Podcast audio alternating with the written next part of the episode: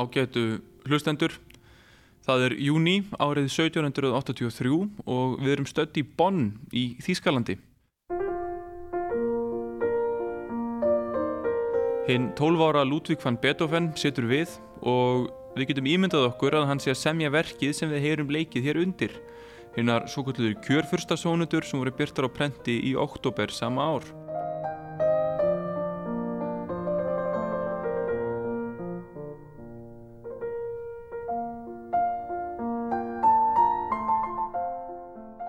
Veðrið utandira er hins vegar ekki líkt sömarblíðunni sem minn ungi Beethoven á að venjast í júni. Í stað sólskins hefur förðulegum móða lagst yfir borgina og raunar stóran hluta Þýskalands og Evrópu. Það sést ítla til sólar, sumir þykjast finna brennisteinslikt og í þokkabót gengur á með þrumum og eldingum allt sumarið. Svo mjög að Þýsk dagblöð byrta fréttir í gríð og erg af fólki sem hefur látið lífið eftir að hafa orðið fyrir eldingu.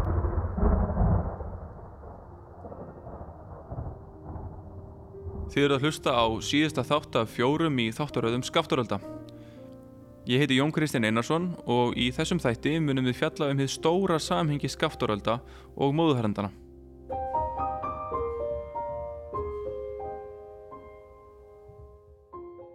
Þetta sumar, 1783, keftustu vísindamennum alla Evropu við að leysa gátuna um þessa dularfullu móðu. Sumir tengdu hana við jarðskjálta sem höfðu orðið á Ítalíu um vorið Einhverjir töldu að hún risi upp úr jörðinni vegna geyslunar frá sólu og aðrir töldu vinsaldum eldingarvara á árunum á undanum að kenna að mikill fjöldi eldingarvara hefði raskað jafnvægi andrumsloftsins og byggi í raun til fleiri eldingar og móðu. Fáa grunaði hins vegar að þessi móða hefði borist til Evrópu alla leið frá eldgósi í vestur skáttaferðsíslu.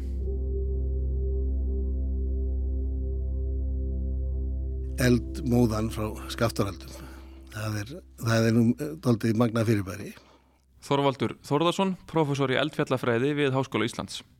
Og þetta er alltaf fyrst og fremst sko brennisteins síra sem er aðeins útþynd með vatni og hún myndar agnir sem að hérna eru í, svona á vögvaformi nokkurnu veginn það er bæði gas í þeim og síðan getur líka bara verið þéttur vökvi sem er þá síra.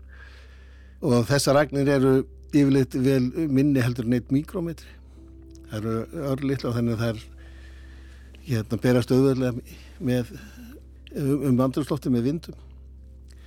Og að, að það er svo litlar þá berast það bara með vindum. Það þarf ekki mikið vindi þess að dreifa þessu. Og lítur út eins og þoka blámóða eh, er oft líka að vísa því. Og í Evrópu var þetta kallað þurraþoka. Það er að því að þegar menn sá þessi þoka kom inn og, og menn hafði nú reynsla á svona þoku ekki bara frá skaftaraldum en líka frá fyrri eldgúsum bæði á Íslandu og Asoræja að hérna það, það kemur ekki dögg af þessari þoku. Eins og vennileg þoka að hún kemur inn og þá tekum maður þetta í því að mynda stögg á yfirborðum og, og, og þau blotna þetta var alveg þurft og það var svipað í, í, núna í síðasta gósi 23 lillarhút að, að, að hérna móða sem að fór frá, frá þeimgi hún var ekki að setja af sinna dögg. Þannig að það er sama fyrirbæri bara í, í minna mæli. Já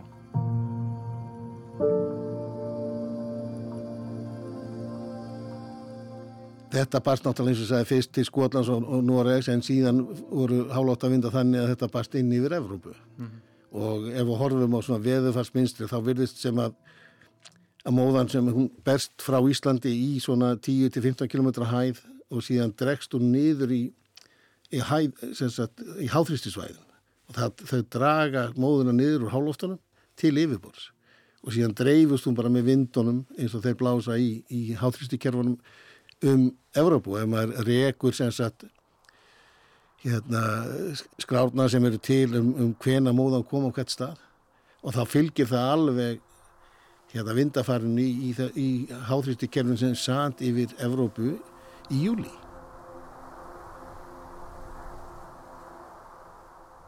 og, og, og þetta virðist að hafa dreigið móðan sem niður og hún fyrir að dreifa sér eftir yfirborðinu og þær verður varið við móði í, í hérna Hollandi og þar hérna mistu öll trí löfblöðin bara á, á, á einu deg og, lýsingin er þannig að, að trénu voru eins og, eins og að hausti til. Og bara laupluðum bara fjall af trjánum. Og það var nú hérna belgískur vísindamaður sem gerði smá tilrönn hann taldi þetta að vera brennisteinsýru taldi sig að finna brennisteinsleikt og hann gerði tilrönnir með brennisteinsýra og úðaði brennisteinsýru á plöntu til að sína fram á að það var, myndi hérna, framkalla sömu áhrif og, og þeir voru að horfa frá móðinni. Og það stóðst allt saman. Já, hún var í Fraklandi og þar var líst að hún, hef, hún færi inn í alla öll skúmskot og alla skima. Það sem sagt að það fór inn í kjallarinn og fylgti, raun og veru allt af þessari móðu í, í Sviss að þá aflitaði móðan málverk og, og hurða húna kopar, kopar húna þeir upplituðust allir. Og, og e, í Ungarilandi þá hérna fenguðu bestu vínuppskýruna sem þeir hafa noktið að fengi. Það brennist eitthvað mjög jákvæð áhrif á, á vínberinn það var líka mengunni líst frá Ítali Norður Afríku eh, móðan barst til Alaska og uh, þar fundu menn sagt, eftir eldana sagt, heilu þorpin auð og, og allt fólkið látið. Mm þannig að það var sko, já, hún barst við það og það er skrár til um móðuna í, í Altæfjöllum eða mið-Asíu al, alveg þá ertu eiginlega komið til Kína. Mm. Og það er, er skráð í Kína og, og, og, og fleiri stöðum og eins, eins í, í Kanada og Mandaringan þannig að þetta, hún fór mjög við það og uh, en hún alltaf mest fyrst og hefði mest áhrif í Európa þar sem hún var þéttust. Og það eru heimildir sem bent til þess að út af móðinni þá hafi döðsföll aukist í Európa um 25% þannig að það er sagt, fyrir hverja fjóra þá bættist eitt við sem, sem letur sko þannig að, að og við gerðum nú eitthvað tíman svona smá líkanareikninga hvernig þetta myndi gerast í dag og, og, og fólk gerði fyrir sömu áhrifum. Þá myndi nú sennilega svona ekstra bílinn 300 til 500.000 mann stegja í Európa mm -hmm. bara af völdum mengunarinn bara mengunarinn, já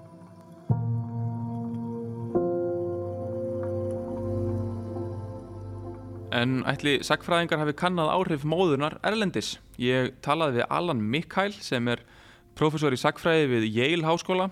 Allan er sérfræðingur í sögu Egiptalands og Ottomanveldisins og byrti fyrir nokkrum árum grein þar sem hann færi rauk fyrir því að skaftaraldar hafi haft gaggjör áhrif á egipska sögu.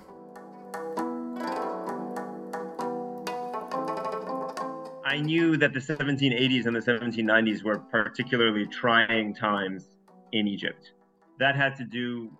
Allan segir að hann hefði vitað að nýjundi og tíundi áratugur átjóndu aldar hefði verið sérstaklega erfiður tími í Egyptalandi og að þar hefðu umhverjus áhrif átt hlutað máli en líka stjórnmánulegir og félagslegir þættir og Allan var að reyna að varpa ljósi á þessi umhverfis áhrif þegar hann uppgötuði að raunvísindamenn hefðu komist að því að eldgós á Íslandi hefði veikt því svo kallega monsúnkerfi í Indlandshafi.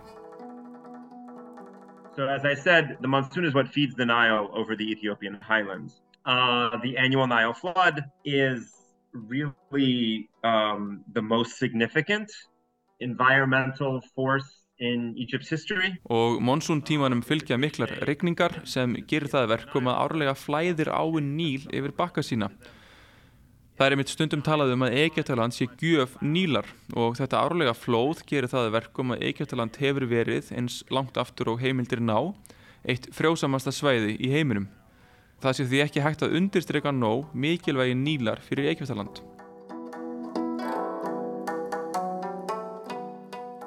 Um 1780 til 1790 geisa faraldrar í Egyptalandi ofan í þurka og hungursneið og árið 1783 var þið árlega flóð í Níl það minsta í 80 ár og einnig mjög lítið árið eftir, það þriðja minsta. Allan segist að hafa vitað af þessu en ekki þekkt tenginguna við skafturölda. So, given the importance of the Nile to Egypt's economy and society, very low Nile floods would obviously have huge impacts and they did and we saw that politically Vegna þess hvað flóðin í Níl eru mikilvæg í Egyptalandi þá hafði þetta sjálfsögðu afleðingar fyrir stjórnmálinn og hagkerfið. Hann segir að þetta sé þá einungis einn hluti af sögunni, líka sé mikilvægt að hafa í huga hvað var í gangi í Ottomanveldinu en Egyptaland var á þessum tíma mikilvægur hluti af því.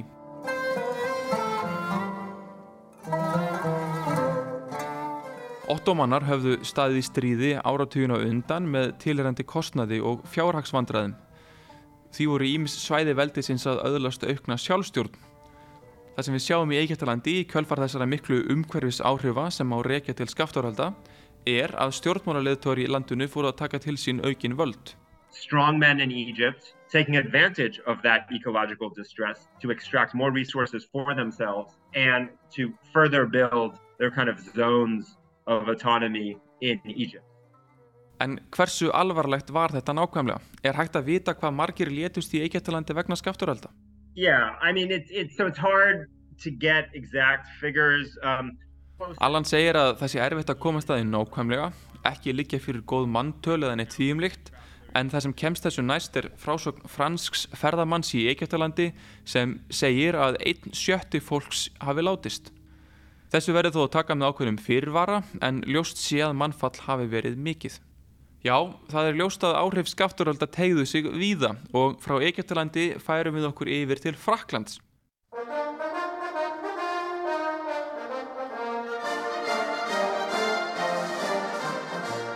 Það er nefnilega hans í lífseg mýta, já við getum kannski kallað þetta það, að skafturöldar hafi komið frönsku byltingunni af stað, hvorki meirinni minna.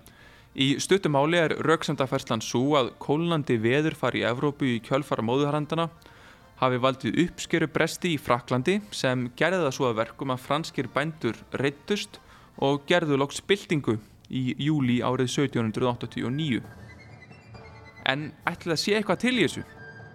Ég rætti við Paul Cheney, professor í sagfræði við Chicago háskóla og einn helsta sérfræðing samtíman sem Frakland á átjöndu öld og frönsku byltinguna. Það má segja að svar hans sé ansi afdráttarlust. Well, you know, not to be too blunt about it, but I, I simply think I've looked into it and I think that there is no link whatsoever. Now, on the other hand, one can imagine why one would think that there could be a link. I mean, probably your listeners are aware of just how mortal the, the, the eruption of Laki was. I mean, Cheney telur sem sagt ekki vera tengingu þarna á milli en skilur þó vel að fólk geti haldið að svo hafi verið. Sérstaklega ef hortir til aukins mannfalls á Íslandi og í Evrópu. Áhrifin í Evrópu voru þó takmörguð og aðalega bundin við veturinn 1783-84. Hann segir að franskir sakfræðingar hafi skoðað þetta og reynd að finna tengingu. Hins vegar var almenn efnahagskrísa í Fraklandi allt frá 8. áratu átjöndu aldar fyrir skafturölda sem nær síðan hámarki með frönsku byltingunni árið 1789. Það voru þó sannarlega veðurfarslega áhrif í Fraklandi, til dæmis mikill stormur sem geisaði í júli 1788 sem olli uppskjörubresti og veturinn 1788-89 var mjög erfiður. So you can see there's a certain kind of homology of events right? So you can, you can see there's something suggestive there. Cheney segir mögulegt að vegna nattarætnar hlínunar nú á dögum þá vilji sagfæraðingar búa til tengingar millir náttúruhamfara og storra pólitískra atbyrða. Við sjáum þetta til dæmis í sögu Rómaveldis þar sem sagfæraðingar hafa nýlega farið að leggja mikla áherslu á loftslagsbreytingar. Hann segir sagfæraðingar þó verða að vera á verði. Það sé freistandi að álekta að stórir pólitískir atbyrðir séu að völdum spennandi hluta eins og eldgosa en heimildirnar stiðja það ekki alltaf. There's just too great a lapse of time between what happens in 1783-84 in Iceland and it kind of translated into Europe and the events of 1788, mm. 1789. In fact, Samkvæmt honum er einfallega of langur tími frá skaftaröldum 1783 til fransku byltingarinnar árið 1789 til þess að hægt sé að tengja þetta tvent saman. Loftslagsvísindamenn hafa kannad málið og það er ekki hægt að sína fram á tengingu millir skafturölda og veðursins árin 1788 og 89 í Fraklandi. Jafnvel séu deildar meiningar um hvort einn kaldi vetur í Evrópu 1783-4 séu endilega völdum skafturölda. Heldur geti El Niño veðrakerfið hafa verið þar að verki, segir hann.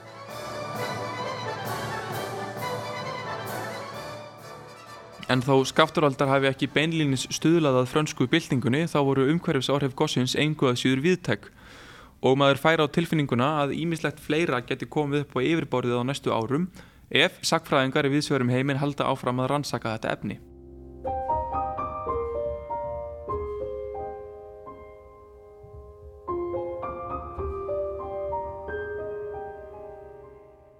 En aftur til Íslands. Nú þegar fyrir að líða að lokum hjá okkur þá er rétt að spyrja sig hverjar langtíma afleiðingar skafturvalda voru í Íslandsögunni. Oft er talað um að 15 þjóðarinnar hafi látist en hvernig deyr fólk nákvæmlega völdum eldgoss, hvaða fólk lést og hvað var þjóðin lengi að jafna sig. Guðmundur Haldunarsson, sakfræðingur, hefur gömgeft heimildir frá síðar hluti átjöndualdar til þess að komast að einmitt þessu. Ef við lítum á, á mannfallið eftir tímum þá eru tveir toppar Það er annars vegar þá er alveg gríðlegu toppur á Norðausturlandi og eiginlega um Norðurlandið allt þó mest á Norðausturlandi en einni á öðrum sveitu Norðlands og nýður eftir Östurlandinu vorið 1784. Það verið mjög ekkit sérstaklega vart á Suður og Suðvesturlandi á, á sama tíma. En síðan byrjar mannfallið á Suður og Suðvesturlandi í svona, já, í oktober getum kannski sagt 1784 og nær síðan hámarki í mars 1785 það er, þannig það er hinn toppurinn Þannig að þetta eru eiginlega tveir toppar annars vegar sagt, í, í júni 1784 og svo aftur í, í mars 1785 og það er fyrir til landslutum hvernig, hvernig þetta gerist. En, en, yfirleitt, en sumar í 1784 eins og vennilega eins og landbúinarsamfélagi þegar að kýrna fara mjölk aftur, uh, þegar að uh, lömp fara að fæðast og, og, og fari frá og þannig að, að ærnar fara að mjölka þá, þá aftur fer fólk að fá fæð og, og þá dregur úr yfir sumarið en það er greinlegt að að víðum land koma menn mjög illa undirbúinir undir veturinn 1784-1785 og þá byrja mannfallið þar. Já, tveir toppar í mannfalli, júni 1784 og mars 1785. Mörg döðsföll á þessum tíma eru skráð vegna farsóta en tengjast þær endilega harðindunum. Tengsl hungursneiða og, og hérna, farsóta er ekki bara það að fólk sé viðkvæmara, heldur fer allt samfélagið á flott, fólk fer að flýjað heimann fólk flýr frá Norðausturlandi, frá Þingasíslu og Eyjafyrði og e, vesturabógin endar gætna á Snæfellsnesi, maður sér það alveg í kirkjubóknum þar sem verður að skrá hvernig, hvernig fólk deyr, þetta, þá stendur í kirkjubókinu þetta sé flottamara norðan úr Þingasíslu og það er alveg niður á Snæfellsnes og sumt jafnir niður í, niður í Gullbrík og Kjósasíslu síðan auðvitað úr eldsveitunum vestu skaftillingar flýja og sérstaklega úr östursveitum vestu skattursýslu flýja bara einfallega þetta hæmast og margt af því fólki deyr svo í rangvall á leiðinni og deyr svo eftir suðum með sjó en e, við getum kannski sagt að, að, að, að þetta samband er, er svo óljóst mm -hmm. við, við, við getum ekki sagt, sagt til um það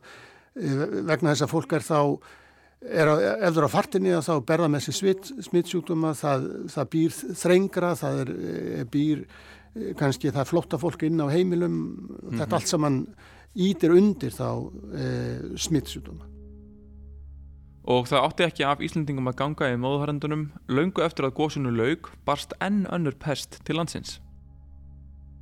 Það má segja að það við gerir einbáran stök e, á þessum árum vegna þess að hausti 1785 berst til Íslands bólusótt. Og næsta, hún hefði gengið næst og undan um miðan sjönda áratví þannig að, að fólk sem er svona viðkvæmt fyrir sjúkdónum er svona allt upp í það að vera, vera af, upp úr tvítugu og, og, og yngra. E, svona fyrstu skráðu tilfellin eru í, í loka oktober, byrju november e, og þá hér á Suðvesturhóndinu. E, síðan breyðist hún söður og vestur og svo aftur norður land og, og fer allan hringin. Það, menn degjur bólusóttin, maður getur bara rakið það úr kyrkjubókunum, nákvæmlega hvernig fólk er að degja. Hún er gríðarlega hörð hér á, á suðvesturhóttinu og, og, og er námynda við, við, við e, okkur hér, hér í Reykjavík, e, upp í Borgafjörð, e, söður, sagt, um Suðurlandi. Svo eins og svo drægi úr krafti bó, bólun eftir sem það líður á og og hún er miklu svona vægari þegar kemur á eh, Norðausturland og Austurland. En í uh, sömum sveitum er, er, er, það, er bólusóttatoppurinn eiginlega jafn stór eins og, og harðindatoppurinn í, mm -hmm. í mhm. dán, dánatíðinni og uh, það má geta þess að, að hérna, uh, Hannes Finnsson í sínu merkaríti um, um mannfækkunum Hallarum á Íslandi að hann segir þar einu stað að, að, hérna, að Hallari, jú, er þetta slæmin en sjúkdóman eru miklu verri vegna þess að þeir drepa uh, unga fólkið og þeir drepa líka ríka fólkið. Bólusótt fór ekki mangariningar álit og það fannst biskunum ekki gott. Uh, í þessari hellarinn þá dóðu fyrst og reynst fátaklingar og það uh, gammalt fólk og fátaklingar það gerði miklu minna til fannst, fannst biskupi.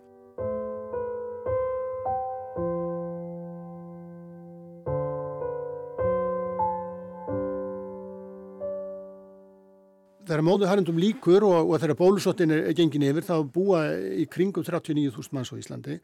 Um, hún fer kannski niður í svona undir 38.000 eh, þegar, uh, þegar Íslandingar voru fæstir á þessum tíma.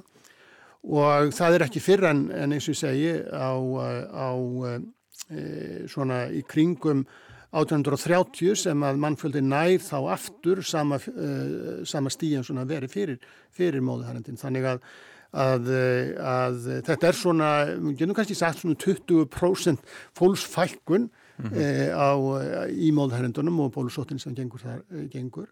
E, það er erfitt að segja nákvæmlega hvað, það er oft talað um svona umfram e, mannfall, það er sem að það degir auðvitað alltaf ákveðin hópur mann á Íslandi og þetta eru kannski svona vennilega árferður, það degja kannski svona 1200 til 1500 manns á þessum, þessum tíma á, á landinu. E, þarna þegar að á þessum árum, á þessum tveimur árum eru er þetta kannski svona 11.000 mann sem að deyja. Þannig að það er, það er svona, við getum satt að séu kannski svona 8.000 manns e, sem að deyja umfram e, það sem við hefðum búist við í vennilega árferði. Það er svo erfitt að segja þetta er svo þessi reikningar er mjög erfiður vegna þess að á Íslandi er ungbarnadauð alveg gríðalega mikil það eru kannski svona 25-30% barna degja á fyrsta árinu sem fæðast.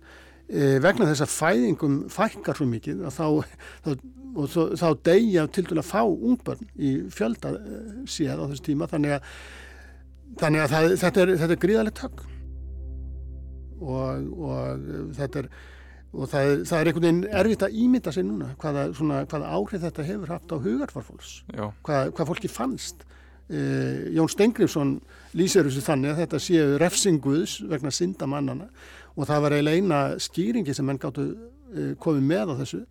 E, Skúli Magnússon lýsir því að, að í skýslu að, að hann er að segja frá því að það var að tala um sönd flottamennir sem kom frá vestur skaftalsíslu og hann segir, lýsir því hvernig þeir koma gangandi frá, frá eldsveitunum enda síðan í, í söðu með sjó og eh, deyja þar og eru grafnir. Þannig að, að það má segja svona þegjand og hljóðalust að þá, að þá hérna þá gengur fólk eh, yfir eh, þert, eða yfir Suðurlandið og, og síðan derða á hungri. Mm -hmm. og það er svona, ég hef svona skoðað, skoðað franska sögutaldið og það er aldrei einkennandi í, í franska sögu að, að, bændasamfélagum að þegar að hungursneiði skell á að þá verða mjög oft uppreysnir af því að, af því að bændum fannst það að, að, að ríkisvaldi ætti að sjá fyrir sér og það ætti að lækka verð á, á korni, það ætti að standa gegn verðhækkanum á korni ef, ef, ef hérna, að, að það harna á dalnum. Það var litið á það að svona, svona hungusniði var á einhverju, á einhverju nátum af mannavöldum vegna þess að einhverju var að nýta sér, nýta sér þá, e, e, það, þá neyðfólks til þess að fá meira fyrir, fyrir kornið. Það er svona að það verða mjög oft uppreysnir í, í, í, hérna, í hungusnæðum og Ísland er engin uppreysn. Það, er, það má segja að, að fólk hafi einfallega mætt dauða sínum þegjand og hljóðalust og, og án þess að, að, að reyna að berja stjækt. Þetta, þetta er bara, menn bera þennan kross og, og, og deyja og vestlast upp og það er, er afskaplega sorglegt að sjá.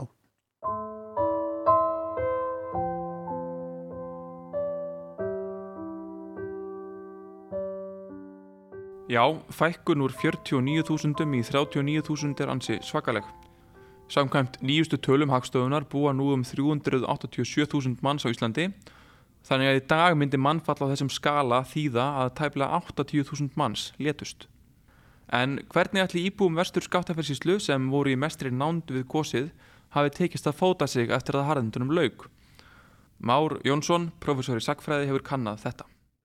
Það eru til nokkuð nákvæmar skýrslur um þetta allt saman. Fólksvölda, Jón, Sjóra Jón Stengriðsson byrtir hann alveg lista yfir alla sem dóu og, og það eru til kirkjubækur, einhver leiti þarna líka í nær, nærsveitum og, og það er greinlegt að, að sagt, um, auðvitað deyr þarna slatta fólkins og, og líka bara veturinn eftir 85, 86 84, 85, 86 bara úr eh, hungri og, og líka bólusótt sem kemur hérna en semst það eru til þessar tölur að, að semst í vestu skaftafarsíslu þá eru hérna fyrir gós eitthvað tæmla 2000 manns.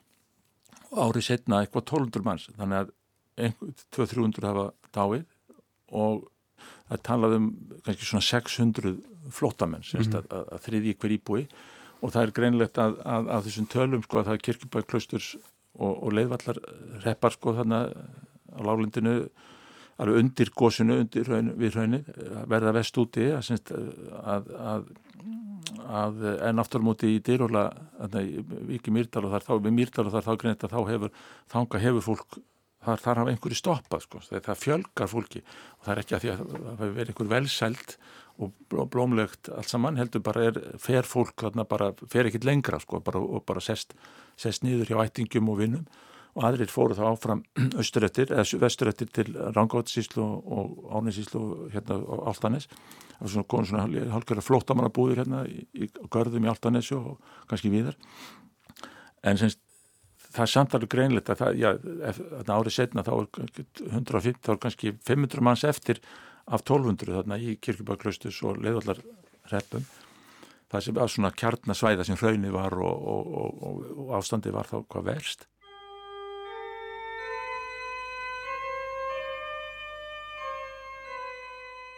En semst, það er alveg greinlegt að það stóð ekkert annað til af hálfu íbúa en að semst, reysa byggðuna við og það fyrst að þessir, þessir bændur þarna í meðalandinu fara að hugsa um er ný kirkja og það er til þarna bregð frá sjö bændum sem skrifi langkolti sem er svona miðsvæðist þarna skrifa þarna 24. júli 1784 og, og syns, bara rúma ári eftir þá er það svona fara að róast allt saman og menn sjá svona hvað búist ekkert við meiru og þá sagt, lýsaði því að Sóknarkirkjan í Holmaseli var af brunnin og uh, sér að Björn Jónsson eins og þið segja hér hérðan svo langt burt fluttur að sjónarlegt er eimunni fram að ætla sér hinga að víkja. Sem það var svo mikil skræfa það bara pakkaði og fór burt. Og þeir hestarlausir og bara gangandi og komast ekki í næstu kirkjur sem það er áltaver uh, í mýrum. Og yfir sagt, fljót. Og svo er þetta kirkjubæðaklaustu sem er talsveit ofar þannig að þetta er, þeir vilja fá kirkju og sér að Jón Jónsson í Áltaveri hefði klöngrast yfir ána þarna, til þess að hitta sína menn. Og hann var líka með skaftátungu þetta, bara, þetta er önnur svona hetja sem hefur bara ekki verið skrifað jafn mikið um og sér að Jón Steingrímsson en, en sagt, hann stendur sig þarna greinlega mjög vel. Nú þeir eru með sagt, þessi bændur með kandidat í starfið sem ný, nýjan sóknarprest, sér að Jón Jónsson, student, sem var úr meðalandin og bjóð á lingum og þar var skemma sem átti laga til að nýta í, í, messur. Þánga til að ný kirkja er þið byggð og, og semst það var úr að, að þetta var gert og sér að Jón Jónsson var semst frá höfðabrekku í Mýrdal, 28 ára gammal og semst að tók þetta að sér og að, að eins og hann segir hér í brefi sjálfur að, að hann sagt, samþykir að vera á þeim þann, og tala um þann umkvunarlega jarðeldsbruna fordjarfaða prestakall í meðalandi og vill fá austurlingvar til ábúðar og, og vill að semst, klausturhaldari á kirkjubæðaklaustur og þykvabæðaklaustri þessi, þessi tveir sem, sem konungur átti þarna meirum en alltaf jarðir byggði upp kirkju í langkolti mm -hmm. og, og þar sagt, var ekki trjám um veturinn og saga til kirkjubyggingar og bændur sagt, bara saminuðst um að, að reysa þessa kirkju sem var svo tekin í nótkunn sömur í 1786 þannig að maður sér það alveg á þessum brefum að þeir, þessir kallar er ekkert á leiðinni burt sko. Nei. Þetta flúði fólk sem misti sína jarðir en þessir menn ætlaði bara að vera þannig. Mm -hmm.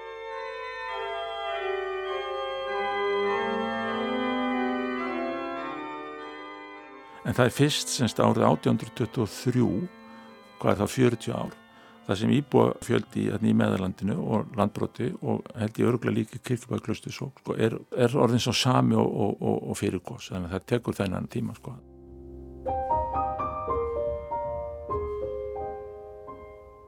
En hver ætli áhrif skafturölda á íslenska stjórnmálasögu hafi verið? Eins og minnst ára á í síðasta þætti þá var landsnefndin síðari stopnuð í kjölfar móðuharandana og hún kom af stað mikilvægum breytingum á Íslandi, afnam til dæmis einungunarverslununa og því hefur stundum verið haldið fram að þær breytingar sem hún hratt af stað hafi verið fyrsti liðurinn í því að nútíma veða Ísland og að móðuharandin hafi þannig hraðað för Íslands á leið til nútímans. Guðmundur Haldunarsson er þó ekki alveg sammála því. Það verða talsvert mikla breytingar á Íslandi á, á tímanu svona frá um, um 1780 til, til og frammiður aldamottin 1800. Það voru, má segja, hafnar með innréttingunum áður. Þetta er nú hluta til endurspeglar, bara það er breytingar sem eru að gerast í Danmarku á þessum tíma. Það eru, eru gríðarlegar breytingar í efnæsleiri hugsun í Danmarku á, á, á síðustu áratugum átjöndardarinnar, það kemur svo kallað físiokratismi sem að, sem að gekk út á frálsa vestlun vestlunar einokunin er aflétt 1787 er endar ekki endanlega fyrir, í 19. aldina en, en gerist í skrefum e, landsnefndin síðar er mynduð þannig 1785-6 hluta til sem bein viðbröð við, við eh, hungusneðinni. Það er, er stjórnum til Danmörku, það er alveg gríðalega með sér í brefum að það er, það er gríðalega mikið reynd að gera. Eh, ríkisvaldi eins og að þessu tíma er afskaplega veikt og, og það var afskaplega lítið sem að ríki gætt gert. Það var reynd að sapna korni og það, sapna fjö og kaupa korn og, og dreifa gjafakorni en, en bæði kom korni seint og lítið.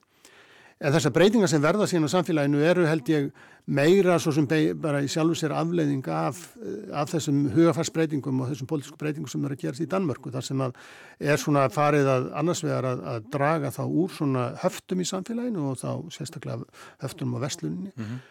Uh, og hins vegar er svona farið að reyna að stuðla að einhvers konar þéttbílismyndun og, og eins og segi uh, innretningarnar hafðu verið svona ákveðin fyrsta skrefið en það, það er farið að reyna að sapna stjórnsýslunni saman í Reykjavík og þetta gerist í, í, í nokkrum skrefum að, að með, með hérna fyrst með flutningi uh, skálarstóls, hann átt að fluttist til Reykjavíkur svo er, er það saminaði stólanir Eh, hérna alþingilagt niður eh, og, og hérna landsýðuréttu stopnaður í Reykjavík.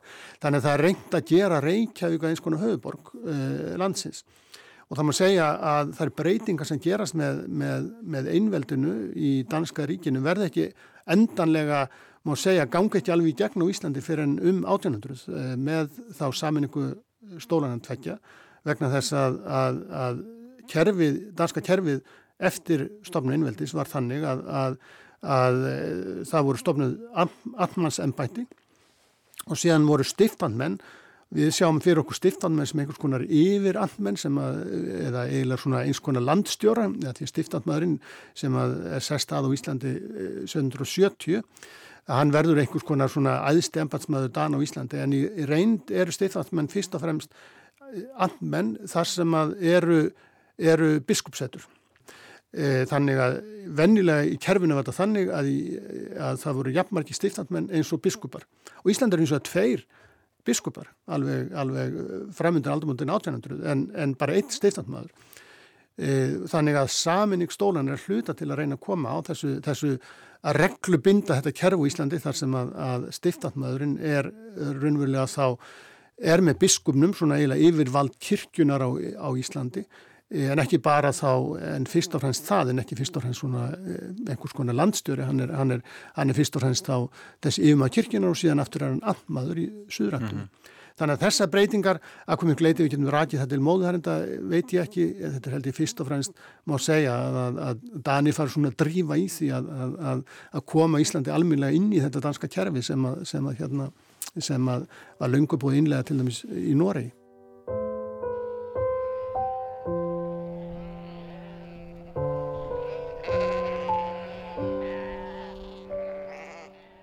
Sem er kannski áhugavert í þessu samt sem áður er að við lítum á svona langtíma áhrif móðandana. Þá, þá held ég að þau hafi kannski, kannski, við getum kannski sagt að þau hafi raunverulega fest í sessi svona á Íslandi svona eða, eða kannski tafið fyrir hrunið þessa eh, svo kallar bændasamfélag sem ég hef nú skrifað um vegna þess að, að bændasamfélagi gekk út á það að, að reyna að halda aftur af, af þróun fiskveða þannig að halda aftur af myndun þjertbílis og, og reyna að íta undir það að, að, svona, að sem flestir livðu í, þessu, í þessum lífsring bændarsamfélagsins að fólk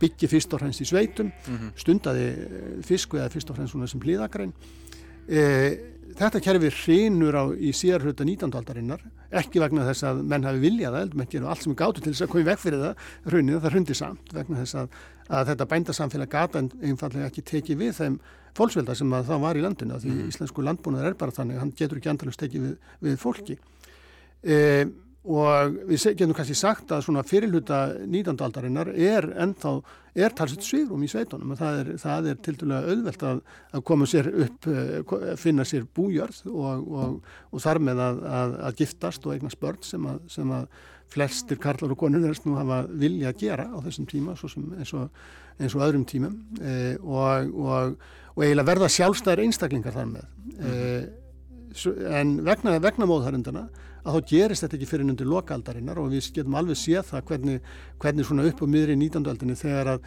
að fólksveitin er að fara að stíga yfir það sem hann hafi verið fyrir móðuharendi að þá byrjar, e, byrjar þá að, e, að svona verða þrengra um í sveitunum, fólk e, fer að giftist setna eða giftist ekki, það eru fleiri ómagar E, og síðan brestu kerfið á, á 7. og 8. áratögnum þá fer fólk að flytjast unnvarpum til, til Ameríku og síðan aftur að flytjast til sjáasíðunar og þar með hreinu kerfið. Þannig að sumuleiti þá má segja að einhver, einhvern nátt getum satt kannski að, að, að móðarindin hafi tafið til þessari þróun vegna þess einfallega að, að sveitinnar voru, voru já, gáttu tekið við miklu fleira fólki vegna þessara, þessara fækuna sem varð E, á nýjunda áratug átöndahaldarinnar.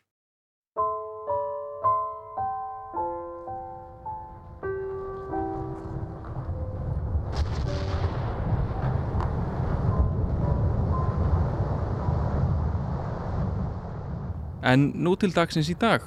Eldgós hafa svo sannarlega gert vart við sig að undanförnu. Komið sæl, við flytjum ykkur þennan auka frettatíma til að segja frá því að eldgófs hófst í Fagradalsfjalli á Reykjaneskaga. Eldgós er hafið í meðradölum, kvikuflæðið er alltaf tíu sinnum meira inn í gósinu við Fagradalsfjalli fyrra. Talsveit meiri hætta er á gasmengun frá þessu gósi en því síðasta. Eldgós er hafið á Reykjaneskaga, rétt norðan við litla hrút. Sprungan er talin vera 900 metra laung. Ríkislauruglustjóri hefur virkað hættustig almanna... En hvað með gósað svipaðri stærð og skafturöldar? Gæti slíkt gós hafist á næstunni? Já, já, og það mun gerast eftir. Já. Hvenar er eftir á móti stóra spurningin? Nei. Þorvaldur Þorðarsson, professor í eldfjallafræði við Háskóla Íslands. Og uh, í því samhengi þá kannski má benda líka á að, að hérna, svæði sem að skafturöldar komu upp og, og eins líka hérna, elgjá og svona alltaf stóru túnarhraunir eins og þjósarhraunið og annað sem kemur alltaf upp á þetta söpuðu svæði að þegar maður horfir á skjáltagögnin sem við höfum, við erum búin að vera að mæla síðan upp á miður í síðustu, síðustu öld þegar þú horfir á allt það, þá er þetta svæði skjálta laust, meira og minna. Þannig að það bendir til þess að svæði sé eitthvað skonar lægir eða... Já, það, það er í einhver, einhver, einhverju dvala sko. Já. en svo tekur það vissir allt í einu Já. og þá koma upp þessi stóru gós og svo fer það eftir í dvala. Já og ákveð að gera það er, er, er, er mjög áhugaður spurning og sennilega mun ef við náum að svara henni og þá getum við sennilega sagt af hverju þessi stóru gós koma mm -hmm. Væru við tilbúin fyrir gós eins og skafturaldag? Er hægt að vera undirbúin fyrir gós eins og skafturaldag? Það er auglust hægt það er náttúrulega kostar mjög mikið undirbúning nei við erum það ekki sko ég held að, að, að eina ástæðan fyrir því að við erum kannski ekki alveg fullkomlega undirbúin undir slíkt góðs er að, að það er erfitt að ímynda sér starðarskalan eða semst, já, hversu umfangsmikil þetta, þetta er sko.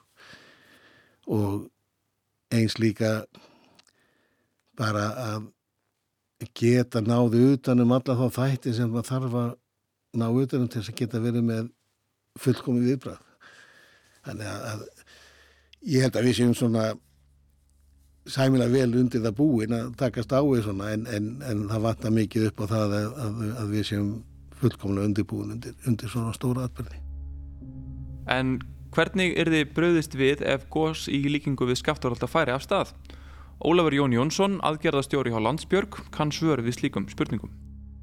Ég get ekki sagt að, að innan Landsbjörgar sé mikið hugsa til svona gríðarlega stórs, stórs viðburðar uh, síður en svo. En uh, við höfum alveg, alveg rætt það að, með gósin að á Reykjanesi að þau eru afar góð æfing af því þetta eru lítil og krútleg ferðamannagós en innihalda alla þá þætti sem eru til staðar í stórum gósum mm -hmm. nema náttúrulega að það hefur ekki verið neitt öskufall á Reykjanesinu mm -hmm. að það mun hjálp okkur heilmikið og það auðvitað ómeðvitað erum við að, að máta þetta við alls konar kringumstæður. Ólafur segir að hugsanlega gæti þurft að rýma hættusvæði en hvernig er það framkvæmt? Það veldur auðvitað umfanginu. Eh, við þurfum að hafa tæki og tól til þess að, að, að eh, flytja fólkið en ekki síður þurfum við að hafa einhvern áfangastað fyrir það. Og uh, það að ætla að fara að flytja segjum þúsund manns bara innan, innan landamæra Íslands það er bara bísna stórt verkefni að finna þeim öllum uh, stað og, og koma með eitthvað fyrir meðan óvissi ástandi eða hættu ástandi stendur yfir. Eins og er það þannig að, að Rauðukrossin metur svona lauslega að, að 70% landsmanna myndir nú fá inni hjá vinum áttingum en þá þurft að koma þessum 30% fyrir og uh, það væri bara tekið á uh, bara unnið í því með tilliti til aðstæður, aðstæðina og uh,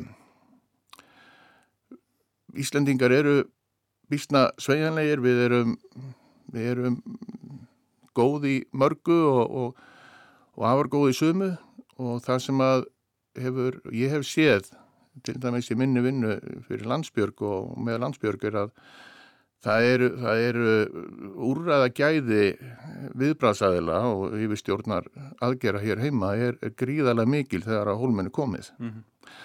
En það eru þetta búið að vera spá í þetta í, í gerð viðbræðsáallana og, og svo leiðis. Mm. En það er nú talað um að sko áallanir klikka og séu einskísverðar þegar að hólmennu komin en, en þá er áallanavinnan ómissandi og ómeitanleg. Mm -hmm og hún hefur farið fram. Mm -hmm.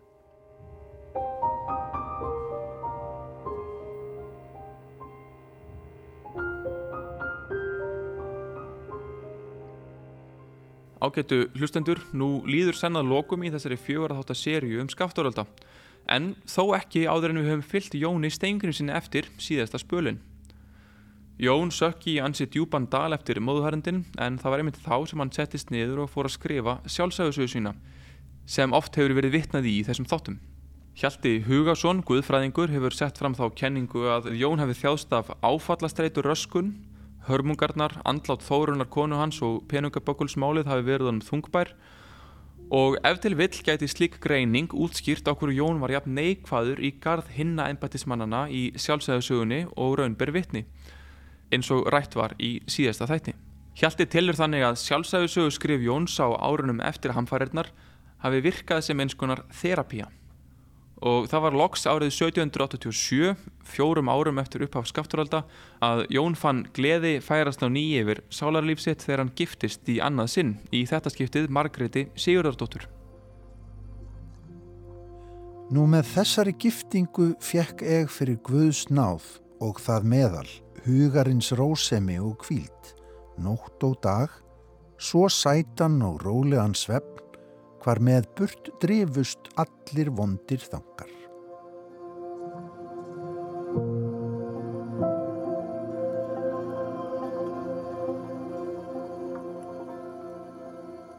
Jón Stengrímsson lest svo þann 11. ágúst 1791 rétt tæflega 63 ára að aldri.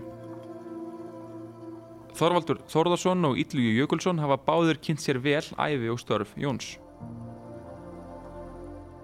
Maðurinn Jón Stengrimsson, ég held að þetta sé mesta hetja sem Íslandingir hafa nokkur tíma átt. Og þarfur utan þá er hann líka uh, sennilega einn okkar fyrstu eldfellafræðing og aðtúanandi sem að, að, að hérna, Jón gerði á skaftaröldum og hann nefnilega gerði aðtúanir en hann er ekki bara lýsingar hann gerði líka aðtúanir og svo líst hann líka og þetta er þetta er sennilega merkilegasta eldgósa lýsing sem til er við höfum að taka til til þess að hann var ekki að horfa á, á góð sem að stóð bara í nokkra klukkutíma hann var að horfa á góð sem stóð í 8 mánuði mm -hmm. og hann nánast lýsið því frá, hérna frá degi til dags. Já, ég er þeirra skoðunar að, að Jón Stengriðsson er e, okkar merkilegasti einstaklingur hendi í sögunni. Jón Stengriðsson er hvernig sem á það er litið einhver merkilegasti maður átjóndaldarinnar fyrir það hvernig fyrir, það, fyrir þessa æfisögu sem hann skrifaði og fyrir hérna eldritin sem hann skrifaði um, um skáttareldarna þessi æfisaga er einhvert merk, merkilegasta rít sem, sem að bara við eigum uh, ekki bara vegna nákvæmni nákvæmra lýsinga hans á, á hérna á æfiferli hans og umhverfi öllu og samfélagin og svo framvegis heldur bara sem sálarlífslýsing Jón sjálfs. Ég er satt að segja ekki vissum að, að hérna, Jón hafi verið mjög skemmtilegu maður. Ég gæti vel trú að hann hafi verið nokkuð erfiður svona ef maður, hafi, ef maður hefur þurft að hafa hann mikið heima hjá sér. Uh, en uh, hann er alltaf að pæla eitthvað, hann er alltaf að reyna að skilja hitt og þetta og svo festist hann í einhverju guðfræðistagli en, en samt er hann alltaf að, að skima í kringum sig og reyna að skilja og, og það er í honum uh, hérna hilmikill upplýsingamadur hvort sem að, hversu miklu leiti sem að, sem að, sem að hann uh, nam þann nam þá upplýsingu í, í skóla eða annar staðar þá þá er býr í honum upplýsingamæðurinn sem er að takast á við eh, hérna pietistan og, og hérna reyntrúarmannin þannig að þetta er stórmerkilegu maður og, og, og það sem hann er að lýsa í þessari æfisögu sinni er, er bara, það væri það alveg, hefði verið alveg hróðalegt ef, ef hérna, ef farið hefði verið að hans eigin vilja en hann eins og, eins og við vitum ætlaðist til þess að æfisögunni er hérna fyrir komið eftir hans dag eða hann miskusti segir það. Ég veist að þetta hafi nú verið svolítið svona eins og hjá Kafka sem að, sem að bað vinsinum að hérna eðilegja rít sín þegar hann var dáin en ég held nú að Kafka hafi ekki frekar en Jón Stengriðsson eh, vilja það í raun og veru það fer engin að leggja það á sig að skrifa þessa stórkoslegu sjálfsæfisögu og ætla svo til þess að því sé bara fleikt Mm -hmm. En Jón eh, er hérna eh, sagt, með merkilegustu mennum og mér eh, svona þó, allir þeir sem lesa þessa sjálfsæfis og hans þeir hillast og hljóta hillast af þessari bók en hérna mér þykir jafnvel að hann að það mætti sína hún meiri sóma heldur en, heldur en gert hefur verið undanfarnar áratögi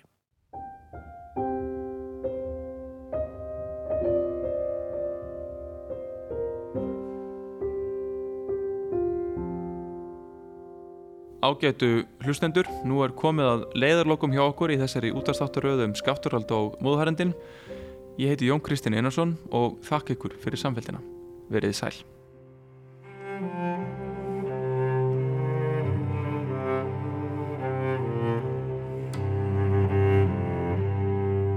Þáttaröðin Skaftáreldar er framleitt af Rás 1. Umsjón og dagskrargerð Jón Kristinn Einarsson. Rittstjórn og samsetning Gíja Holmgersdóttir. Tæknimaður Lítiða Gretarsdóttir.